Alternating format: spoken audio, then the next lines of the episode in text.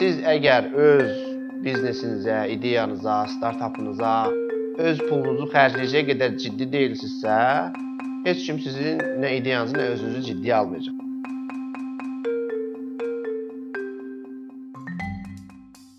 Salam, mən Cəsur Həsənov. Bu gün mənim çıxışım ə, deməli hansı məsələləri əhatə edəcək? Bir, ideya, startap, innovasiya və bunlar nə olan şeydir? Necə bunlara başlamaq və yaxud da baş eləyənlər bunları necə eləyir? Eləməyənlər niyə eləmir və s. belə mövzuları əhatə edəcək. Sonra isə həmin həmin məsələlərlə bağlı daha spesifik bəzi mövzulara mən toxunacağam. Deməli, innovasiya nədir? Birinci bu suala belə bir kiçik aydın aydınlıq gətirək. İnnovasiya özündə 3 şeyi əhatə etməlidir. Birinci innovasiya elə bir şey olmalıdır ki, bu insanların hər hansı bir ehtiyacını, ehtiyacının həlli olmalıdır. Buna buna deyirlər, yəni ingilis dilində bunun tərifində ona deyirlər desirability. Yəni ki, bu kim, kimsə tərəfindən buna bir ehtiyac olmalıdır. İkinci olmalıdır feasibility. Yəni ki, siz hər hansı bir teorem, fərziyyə ortaya sürə bilərsiniz ki, bu innovasiyadır, amma o texniki olaraq ə, mümkün deyilsə o şeyi bir növ reallaşdırmaq, gerçəkləşdirmək. Yenə də bu innovasiya yox, bu teoremdir və yaxud fərziyyədir, belə bir şeydir. Yəni bu oldu feasibility. Okay? 3 e, technically feasible. Texniki olaraq mümkünlük. Üçüncü isə bu olmalıdır ə, viable viable nə? Economically viable. Economically viable da o deməkdir ki, bu ə, bir növ deyək siz bir qələm deyirsiniz, ixtira eləmisiniz. Qələm hal-hazırda deyək ən yaxşı qələm 1 manatdır və siz biraz daha fərqli qələm ixtira eləmisiniz. Amma bu 500 manatdırsa, bu economically viable deyil. Yəni bunu bu maliyyə olaraq e, bir növ məntiqi məntiqə uyğun bir məhsul deyil. Ona görə biz bunu innovasiya say saymırıq hardasa. Yəni elə bir şey olmalıdır ki, öz alternativlərindən həm qiymət, həm də ki, həll elədiyi problem cəhətdən uyğunluq olmalıdır mənəsə. Bu üçünü bir birində bir yerdə saxlayan həmin o nədirsə o şey, ona deyirlər innovasiya. İndi bu innovasiya nəyə lazımdır? İnnovasiya belə deyək. Startap, indi bağlayaq bunu startapa və ideyaya. Deməli, startap isə odur ki, startap yenə də hər hansı bir kütlənin, bu ola bilər, kütlə deyəndə bu ola bilər müştəri kütləsi, bu yəni insanlar ola bilər, fərdi insanlar. Bu ola bilər hansısa şirkətlər, qurumlar, bizneslər, bu ola bilər hansısa hətta dövlət qurumları və başqa hansısa bir tərəflər. Bunların hər hansı bir problemini həll edən bir məhsul ortaya çıxardırsınız. Bu məcbur deyil ki, innovasiya olsun. Yəni ə, e, bəzən fikirləşirlər ki, bəs mən startap qururamsa mütləq bir ixtira eləməliyəm və bu ixtiranın ətrafında biznes, startap qurmalıyam. Bu düzgün yanaşma deyil. Sadə bir nümunə göstərə bilərik. Deyək Uber. Uber çox insanın istifadə elədiyi bir məhsuldur. E, taksi sifariş edirsə də belə sadə dillə deyəndə. Və Uber-in Lyft, Didi, Grab, mən başqa deyim sizə Bolt hamımızın tanıdığı. Və bunlar kimi fərqli-fərqli demək olar ki, aşağı-yuxarı bunlar hamısı eyni eyni işi görürlər. Ola bilər ki, onların ya texnologiyasında, ya nəsə kiçik bir fərqlilik var, amma bunların heç bir ixtira deyil. Fərqlilik nə nədir? Əgər siz mövcud bir həlli bir növ təkrar qurursunuzsa və yaxud da kiçik bir nüansı dəyişirsiniz, təkrar bir məhsul qurursunuz. Fərqlilik ola bilər ki, ya siz ya siz daha ucuzsuz, və yaxud sizin produktunuz biraz daha sürətlidir, effektivdir və s. nədirsə və yaxud da siz tamamilə fərqli bir bazara xitab edirsiniz. Deyək ki, Uber götürsək, Uber yəni Uber-dən başladı, Uber-lə davam edirik. Uber götürsək, Uber əsasən inkişaf eləmiş ölkələrdədir, amma onun rəqibini götürsək, Bolt Azərbaycanda olan Baxsaz hansı şəhərlərdə işləyir, görəcəksiniz ki, Azərbaycan, yəni Bakı kimi şəhərlər, Gürcüstan və yaxud hansısa Afrika ölkələri. Yəni bu o deməkdir ki, onların məhsulları eynidir, fərqli bir müştəri seqmentinə xitab eləyirlər. Okay? Yəni ki, startap qurmaq üçün siz ixtira eləməyə məcbur deyilsiniz. Okay? İndi gələ ideya nədir və o ideyanı biznes qurmaq üçün, startap qurmaq üçün o ideyanı tapanlar necə tapır? Deməli, hal-hazırda, hal-hazırda deməyim, mən neçə illərdir ki, bəlkə belə üst-üstə qoysaq yüzlərlə startapın təqdimatına qulaq asmışam, fərqli-fərqli ölkələrdə. Yəni mindən yuxarı deyək ki, bir neçə min var, 1-2 min olar. Və həmin təqdimatlardan da, yəni mən ümumi belə nəticə kimi deyə bilərəm ki, ideya axtarmaq deyilən bir şey yoxdur. Yəni siz startap qurmaq üçün ideya heç vaxt axtarmamalısınız. Əgər ideya axtarırsınızsa, deməli siz səhv yoldasınız. İdeya ə, axtarmırıq. Bir bu. Nə axtarmalıyıq biz? Ə, böyük kütlənin yaşadığı ciddi bir problem. Yəni ideyadan əvvəl. İdeya bir növ həldir. Okay? Ə, yəni siz baxmalısınız və ya biz baxmalıyıq görə mən əgər biznes qurmaq istəyirəmsə, sizin qurduğunuz biznes kütlənin bir problemini həll etməlidir. Buna da bir nümunə mənim klassik nümunələrimdən bir dənəsi. Deməli Google-un bir dənə işçisi hər gün ev, işdən evə maşınla gedir və müəyyən günlər yağışlı günlər olur. Və bu yağışlı günlərdə baxır ki, nə vaxt yağış yağsa, bu yol, yol kənarı o velosiped kirayə verən mağazalar, yerlər ki var, görür ki, bunlar bağlıdır. Çünki yağış yağır, yağış yağanda heç kim velosiped kirayə götürmür. Bir gün, üç gün, beş gün, yəni bu axırda görür ki, yox, bu necə ola bilər? Mən hər dəfə buradan keçirəm, bu bizneslər həmişə bağlıdır, nə vaxt yağış yağsa, bunlar pul itirir axı. Sonra bu belə bir növ moment olur, deyir ki, "A, deməli velosiped və velosiped bir velosiped kirayəsi bir növ biznesdir və başqa bizneslər də var ki, bunlar hava şəraitindən təsirlənirlər. Yəni ki, hava şəraitindən asılı olaraq bunların biznesləri tə, ya satışları yaxşı olur, ya pis olur. Mən belə bir sığorta şirkəti quracağam və hava şəraitindən təsirlənən bütün bizneslərə sığorta satacağam. Okay? Və bu weather bill hava çeki fasonu belə bir Azərbaycan desək, adında bir şirkət qurur. Bu şirkətin əsas bir məhsulu olur. Hava şəraitinə əsasən bir növ sığorta paketləri təklif eləyir. Yəni proqnoz əsaslı bir softver. Okay? Bir bir neçə illər o qədər də uğurlu olmur, amma 2000 yəni bir 6-7 ildən sonra 2013-də həmin o sadə gördüyü problemdən qaynaqlandı və qurduğu şirkəti 1. neçəsə milyard dollara satır. Okay? Amma sadə hardan başlamışdı? Bu gördü ki, belə bir problem var və onun həllini axtardı, tapdı. Yəni ideya bizdə ikinci mərhələdir. Birinci mərhələ biz problemi tapırıq. Ondan sonra biz fikirləşə bilərik ki, biz sığorta şirkətimi quraq, yoxsa biz yağışı dayandırmaq, bəlkə zontik sataq velosipedlə bir yerdə kirayə versin. Yəni ideya həmin ikinci mərhələdir. Bizdə də bizdə yoxdur ümumiyyətlə startap quranda startapçıların, birinci dəfə olan startapçıların elədiyi səhv odur. Mənim özümün də yəni şəxsən elədiyim səhvlərdən biri odur ki, mən birinci problemdən yox, elə ideyadan başlamışam vaxtında və sonra o startap məlum uğursuz olub. Bir dənə belə bir statistika deyə bilərəm ki, hər 10 startapdan 9-u uğursuz olur.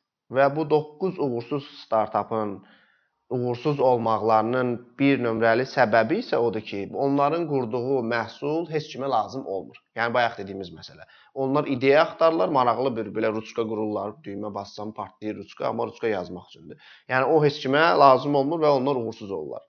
E, yəni %40 100 startap uğursuz 100 startapdan 42-si ona görə uğursuz olur ki, onlar qurduqları məhsul heç kimə lazım olmur. Okay? Yəni bu da həmin o ideya axtarmağın əslində düzgün bir yanaşma olmadığını göstərir. Deyək ki, biz düzgün bir problemi tapdıq ki, bu problem var və bu problemin ətrafında nə etməliyik? Növbəti addımlar ki, biz startap quraq və ya biznes quraq. Birinci müəyyən hallar, yəni bu suallar mənə çox gəlir ki, mənim 3 ideyam var. O 3 ideyadan mən nəyə əsasən seçim ki, bir dənəsi bu daha yaxşıdır, o ikisini qoyum kənara, birinin üstündə işləyim bir neçə alət var bunu eləmək üçün.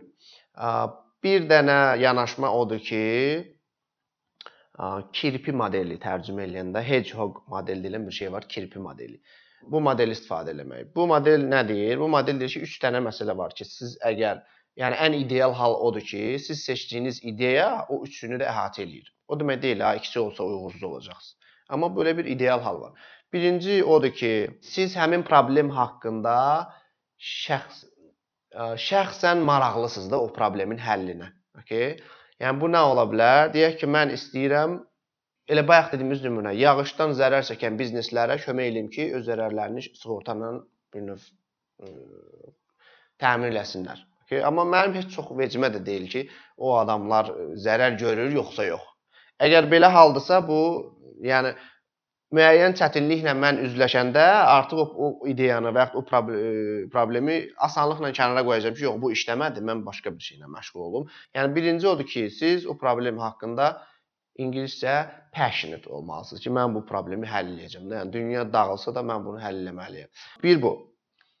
İkinci, siz o problem və ya o problemin olduğu sektor haqqında bilik, bacarıq, təcrübə, talant olmalıdır sizdə. Yəni ki, mən yenə deyirəm, mühəndisəm və mən istəyirəm bir dənə düzdür, mühəndislər əksər vaxt çox sahələrə bir növ, yəni onlar üçün biraz daha asandır bilmədikləri sahəni girib öyrənmək. Mühəndis deməyək. Deyək mən musiqiçiyəm və istəyirəm bir dənə maşın ixtira eləyim. Okay? Musiqi mən 25 ildir musiqi ilə məşğulam da ancaq gitara çalıram, tar çalıram, nəsə və maşın haqqında ümumiyyətlə mənim heç bir fikrim yoxdur.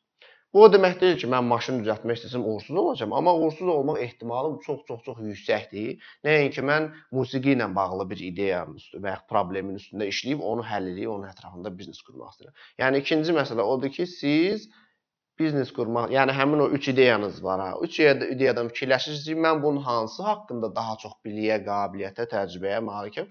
2 onu seçirsiniz. Üçüncü isə ən vacib məsələ odur ki, bunların hansı mənə daha çox pul qazandıracaq. Bunu necə göstərə bilərik? Necə fərqləndirə bilərik? Yəni startapların, yenə mənim özümün də başıma gələn problemlərdən bir tanəsi. Ən bir növ ən böyük problemlərdən bir tanəsi o olur ki, həmişə mən bunu qurum, insanlar başlasın istifadə eləsin, öz problemlərini həll eləsin. Sonra mən ora bir biznes model inteqrasiya eləyəcəm də. Yəni ki, mən ora reklamı qoşacağam, mən ora edir? Sonra əsas odur ki, hal-hazırda cəmaət bunu istifadə eləsin, yararlansın, mənim istifadəçilərim çoxalsın. Ondan sonra mən fikirləşəcəm ki, necə pul qazana bilərəm bunun vasitəsindən. Bu çox böyük bir yəni səhv addımdır. Ə, nümunə götürsək WhatsApp, WhatsApp qurulanda onların biznes modeli o idi ki, siz 1 ildə 1 dollar ödəməlisiniz, amma o, o da elə alındı ki, heç ümumiyyətlə o modeli də ləğv elədilər. Facebook onları aldı. Yəni belə belə bir кейs var. Ə, yəni onu götürə bilər ki, hamı bəs necə olur ki, WhatsApp neçə milyardlıq satıldı, amma onların heç biznes modeli də yox idi. O başqa bir кейsdir. Standart кейsdə 100 startapdan götürsək, yəni WhatsApp kimi olan 100-dən 100 yox, yəni neçə min dənədən bir dənəsi WhatsApp. Amma əksəriyyəti ə, əksəriyyəti uğursuz olanların əksəriyyətini götürsək, Orda biznes modeli əvvəldən fikirləşməyənlər uğursuz olurlar. Mənim başıma gələn yenə də birdən budur. Ki biz əvvəldən fikirləşməmişik ki, biz necə eləyəcəyik, necə pul qazanacağıq, amma həmişə fikirləşmişik biz kimlərinsə problemini həll eləyək, ondan sonra yolda baxacağıq. Əvvəldən bilmək lazımdır ki, hətta yəni biznes qurulmalıdır həmin o biznes modelinin ətrafında. Biz gəlin belə deyək də, indi sual ola bilər ki, o 3 ideyanın üçündə də biznes modeli var da, mən hansını götürüm? Əgər siz bir bir satışdan 1 dollar qazanırsınız, amma elə bir e, ideya, digər ideyanız var ki, oradan siz 100 dollar qazanırsınız. Və bir dənəsi var, oradan siz 1000 dollar qazanırsınız. Siz çalışmalısınız ki, hansından bir satışdan, hansı ə, ideyadan daha çox pul qazanmaq potensialınız var, onu götürməlisiniz. Okay? Yəni bu üç dənəsi bir, bir yerdə. Bir oldu dedik. Siz həmin problemin həlli haqqında passionate, sizin şəxsi bir növ prinsipiniz var, marağınız var o problemi həll etməyə. 2 talantınız, təcrübəniz, bacarığınız var o sahədə. 3 sizə yaxşı pul qazandırma potensialı var o ideyanın. Bu bu bir variant da budur. Yəni bunları istifadə edib ideyanı seçə bilərsiniz. Seçdiniz ideyanı. İndi necə eləyim bu ideyanı aparım biznesə tərəf çıxardım. Deməli, ideyanı siz seçəndən sonra MVP deyilən bir şey var. Minimum viable product. Minimum viable product odur ki, sizin produktunuzun işlək minimum versiyası. Nədir bu? Məsəl əks yenə bax bu dediklərimin əksəriyyəti öz başıma gələnlərdir. Yəni əks, tək mənim başıma yox. Yəni ilk dəfə startap quran insanların hamısının başına gəlir. Biz təsəvvürümüzdə fikirləşirik ki, bizim produkt belə olacaq, burada bu düymə olacaq, orada bu olacaq. Yəni belə bir passion var və sən istər-istəməz çox şey təsəvvür edirsən. Yəni ideal hal. Amma onun bir növ deyək 10 dənə funksiyası var sizin produkt artıq nədirsə. O 10 dənənin içində 1 və yaxud 2 dənə funksiya var ki, bunlar ən vaciblərdir. Digərləri vacib deyil. O digərlərinin hamısını atırsınız siz kənara. ən vacib bir funksiya nədirsə, onu yerinə yetirə bilən məhsul hazırlayırsınız. Okay? Yəni ə, yəni belə deyək, indi Uber-dən başlamışıq, gedirik. Uber istifadə edənlər bilir ki, Uber-in içində nə var? Girirsiniz, siz seçirsiniz ki, hardan gedirsən, hara gedirsən, qiymət görürsən orada, maşın tiplərini seçə bilirsən. Sifariş verəndən sonra maşın gəldi, siz maşına mindiniz, düşdünüz. Yox, hətta yox, maşın gəldi. Hal-hazırda maşın gələndən sonra orada bir dənə düymə də çıxır ki, basırsan ki, gəlirəm, maşına yaxınlaşıram, sürücü bilsin bunu. Mindiniz maşına, düşdünüz, kartla ödəniş oldu və yaxud nəqd verdiniz reytinq verdiniz, oradakı bəs bu yaxşı sürücüdür, pis sürücüdür və s. notlar yazdınız, qeydlər yazdınız. Bu sizin bir növ produktunuz. Amma o funksiyaların içində nə reytinq vermək, nə orada gəlirəm demək, bunların heç biri əsas funksiya deyil. Əsas orada odur ki, mən girim, A, B nöqtəsini seçim, sifariş düyməsini vurum, taksi gəlsin, minim çıxım. Qalan hamısı əlavələr. Biz deməli minimum viable product qururuq, MVP, ilkin işlək versiya. Və o ilkin iş, hətta bir addım da geri gəlim. İlkin işlək versiyanı qurmamışdan əvvəl biz nə etməliyik? Deməli, market araşdırması. Yəni əgər maraqlanıb bunu oxumaq istəyənlər gedib customer development process deyirlər ona. E, market araşdırmasıdır da, yəni bunun hardasa tərcüməsi bizim dildə. Biz həmin seqmentdən əgər intervyu eləyiriksə, minimum 20-25 nəfərlə intervyu eləməliyik onların problemini düzgün başa düşmək üçün. Yox, əgər survey anket keçirdiriksə, gərək bir 200 nəfərlə minimum anket keçirək. İndi bu anketin içində olunan səhvləri mən deyim, o da, yəni praktiki şeylərdir bu deyirlərin. Kimlərinsə işinə yaraya bilər. Anket və yaxud intervyu eləyəndə olunan ən böyük səhvlər nələrdir? Belə bir produkt olsa siz istifadə eləyərdinizmi? Ən böyük səhvdir. Hamı deyəcək ki, hə, istifadə eləyərdim, çünki sən eşitmək istədiyin odur. Okay? Ona görə də biz intervyu eləyəndə, sorğu eləyəndə ümumiyyətlə niyyətimiz haqqında danışmırıq ki, yəni mən biznes qurmaq istəyirəm, produktum, ideyam var, belə bir şey olacaq. Onlar haqqında ümumiyyətlə danışmırıq. 2 biz ancaq deyirik ki, bu problemi biz araşdırırıq. Bu problemin həlli bizim üçün maraqlıdır. Elə belə araşdırırıq ki, bu problemdən yəni sizin probleminiz nədir? Sonra baxacağıq görək bəlkə sizə kömək edə bildik. Okay? Və orada İkinci məsələ, gələcək haqqında heç vaxt sual vermirik. Əgər biz desək ki, yenə siz bu produktda neçə manat pul ödəyərdiniz, ən böyük səhvdir. Mən deyəcəm 100 manat, 200 manat. Amma deyək mənim aylıq maaşım 300 manatdır. Mən aylıq maaşım 300 manatdırsa bir dənə servis üçün heç vaxt 100 manat ödəməyəcəm. Ən böyük səhv budur. Sual necə olmalıdır? Keçmiş və yaxud indiki zamanda. Mən deməliyəm ki, siz hal-hazırda aylıq ictimai nəqliyyata nə qədər pul xərcləyirsiniz? Siz də deyirsiniz ki, mən 15 manat pul xərcləyirəm. Bu artıq fakt, bu datadır sizin üçün. Okay? Belə, yəni araşdırırıq və problemi düzgün başa düşəndən sonra bayaq qeyd elədiyim minimum viable product, ilkin işlək produktu qururuq və bir növ onu test eləyirik həmin o istifadəçilərlə. Onların verdikləri feedbacklərə əsasən biz digər çox xoşumuza gələn funksiyaları yavaş-yavaş ora əlavə edə bilərik yenə də ən böyük səhv odur ki, biz ofisdə otururuq, bütün hər şeyi biznes, sayt, app, hardware-dirsə, hardware nədirsə bunu qururuq. Sonra çıxardırıq ki, bizim məhsulumuz hazırdır, buyurun işlədin. Çox böyük risk. Müştərilərlə bir yerdə o, o şeylər qurulmalıdır və bu da başlayır market araşdırmasından. İndi gələk bu maliyyə tərəfinə ki, bəs mənim ideyam var. Mən necə eləyim, maliyyə tapım, pul tapım, investisiya bizə lazımdır. Birinci investisiya siz özünüz qoymalısınız.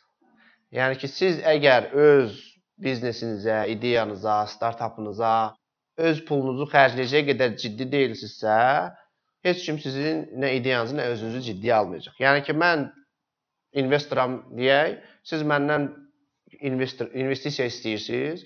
Mənim sualım olacaq ki, sən özün indiyə qədər bu biznesə nə xərcləmisən? Nə qədər vaxt xərcləmisən? Gündə neçə saat işləyirsən bunun üstündə? Neçə neçə nəfər cəlb eləmisən bura? Ödənişli ödənişsiz fərqi yoxdur. İşləyirsiniz bunun üstündə. Produkt hal-hazırda nə yerdədir? Bəs nəqd xərcləmisinizmi?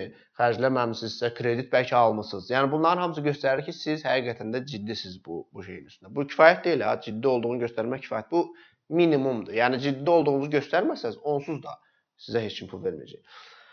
Okay, birinci özünüz xərcləməlisiniz. Öz ailənizin pul varsa ailənizdən almalısınız. Ailəniz yoxdur, dostunuzdan almalısınız. Dostunuz, qohumlarınız bunlardan almalısınız. Onlardan yəni buna deyirlər ə, deməli 3F family, friends, fools. Belə bir şey var. Yəni ki, family sizin ailənizdən alacaqsınız, friends dostlarınızdan ala bilirsə alacaqsınız. Onlardan da ala bilmirsə, yəni full da odur ki, biraz belədir. Kimi aldadıb ala bildiniz, ala bildiniz bu, bu formada. Bu üçünü əvvəl eləyirsiniz və bunları eləyəndən sonra siz artıq deyək bunlara deyirlər ya ə, yəni ilkin mərhələdə sizə yəqin ki, bir akselerasiya, inkubasiya və belə məsələlər lazımdır sizə. Hardakı o akselerasiya, inkubasiyalar sizə pul verə bilər və yaxud hansısa qrantlardan siz çox ilkin mərhələdən danışıram da mən. Yəni o MVP-ni qurmaq üçün lazım olan pullardan. Onlar onlardan ala bilərsiniz və sonra isə gəlir növbəti mərhələdə sizdə ə, business angellar, yəni mələk investorlar deyirlər, onlar ə, venture kapitalistlər, sonra artıq yəni bu bu növ daha yuxarıki mərhələlərdir. O mələk investor sizə pulu əksər hallarda o vaxt verir ki, siz artıq müəyyən proqres eləmisiniz. Müəyyən proqres nədir? Siz deyək ayda bir heç olmasa, heç olmasa bir ayda 5-10 min satış eləyirsiniz. Ola bilər, ha, elə elə hallar ola bilər ki, mələk investor sizə pul verə bilər. Ümumiyyətlə sizin ideyanız var, təkcə ideyanıza pul verə bilər. Komandanız o qədər profes professionaldır, əvvəlki işləriniz var uğurlu. Yəni siz onu inandıra bilirsiniz ki, mən bu işi, bu ideyanı biznesi çevirə biləcəm. Amma siz başlanğıc səviyyədəsinizsə, heç kim sizə pul verməyəcək. Ona görə də siz həmin o 3F, o da olmadısa, hansısa qrantlar, fondlar və bu formada siz ilkin versiyanı qurana qədər. İlkin versiya sizdə hazır olandan sonra, sizin müəyyən müştəri bazanız, kiçik satışlarınız olandan sonra siz artıq ə, həmin o mələk investorlara yaxınlaşa bilərsiniz. İndi sual budur ki, Azərbaycanda o mələk investorlardan varmı? Ümumiyyətlə Azərbaycanda bu E, startaplara investisiya qoymaq məsələsi çox yenidir. Bir bu. İkinci isə ümumiyyətlə startaplara investisiya eləmək biraz riskli investisiya sayılır da. Məsəl üçün mən mən gedib bir ə, ticarət mərkəzi tikə bilərəm və o ticarət mərkəzinin uğursuz olmaq şansı çox, yəni riski çox çox aşağıdır. Mən yəni ən pis halda həmin ticarət mərkəzini satıb öz pulumu geri ala bilərəm. Amma startap elə bir şeydir ki, mən ora pul qoya bilərəm. O sabah komandada dağılar, biznes dağılar ümumiyyətlə və mənim pullarım batar. Okay?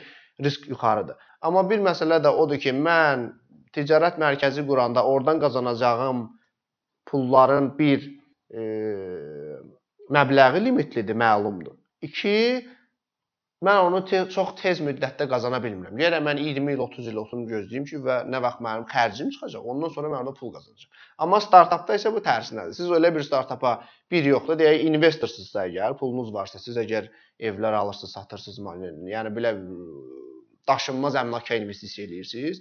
Siz əgər startaplara investisiya eləsəz, bir ildə 100 dənə startapa kiçik-kiçik investisiyalar eləsəz. Yəni bu bir növ Avropa, Amerikada praktika budur. Siz kiçik investisiyalar qoyursunuz fərqli-fərqli startaplara, bunu da gözü bağlı qoymursunuz da, onun da öz mexanizmləri var. İndi ora düşməyək.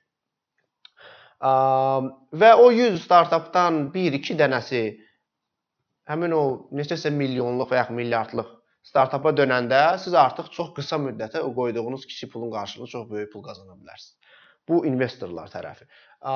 İndi Azərbaycanda isə bu angellar varmı? Çox az, bəlkə də yox səviyyəsində. Yəni çox çox az.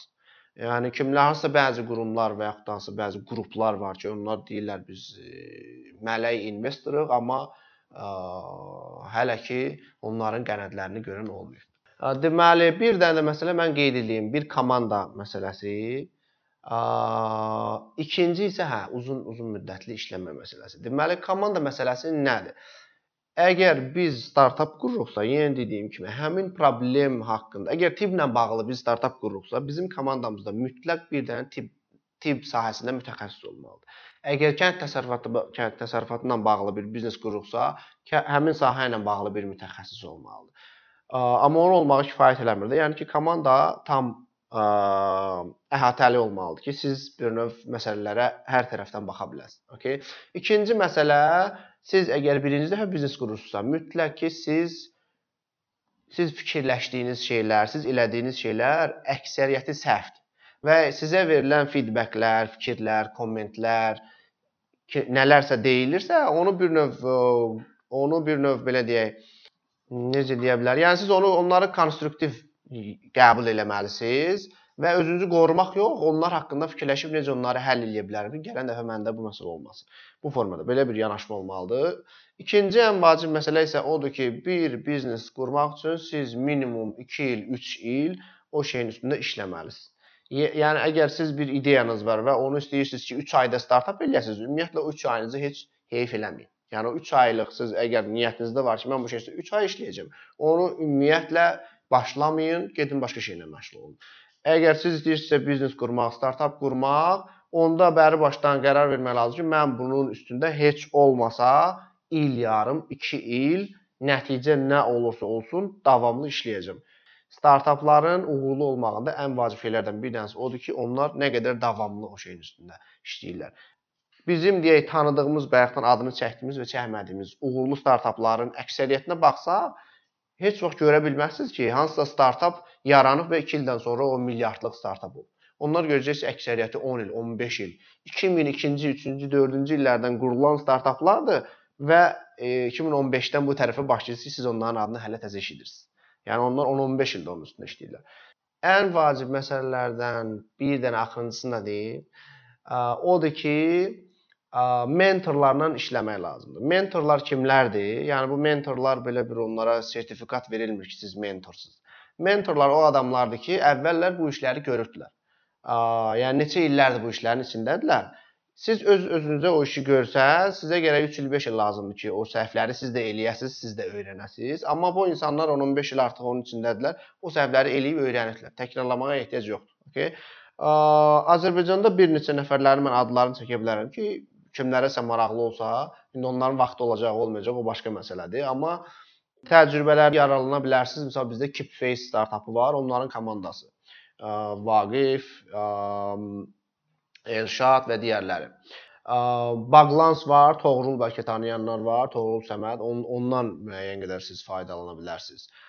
Başqa Coşqun Kərimov var, Orxan Əhməd var və başqa kimlərsə. Yəni aktiv bu işi görən Azərbaycanda 10-15 nəfər insan var. O insanlardan mütləq mentor mentorluq almaq lazımdır. Mentorlar isə sizdən, yəni normal halda onlar əgər sizin 2 illik, 3 illik, 5 illik mentorunuz olsa, bəlkə biznesinizdə nəsə 1-2% istəyə bilərlər, amma Azərbaycan halında hazırdakı həmin adını çəkdiyim insanlar hazırdılar ki, onlar sizin müəyyən suallarınıza cavab versinlər heç nəyə qarşılığında. Ona görə mentorlardan istifadə etmək lazımdır.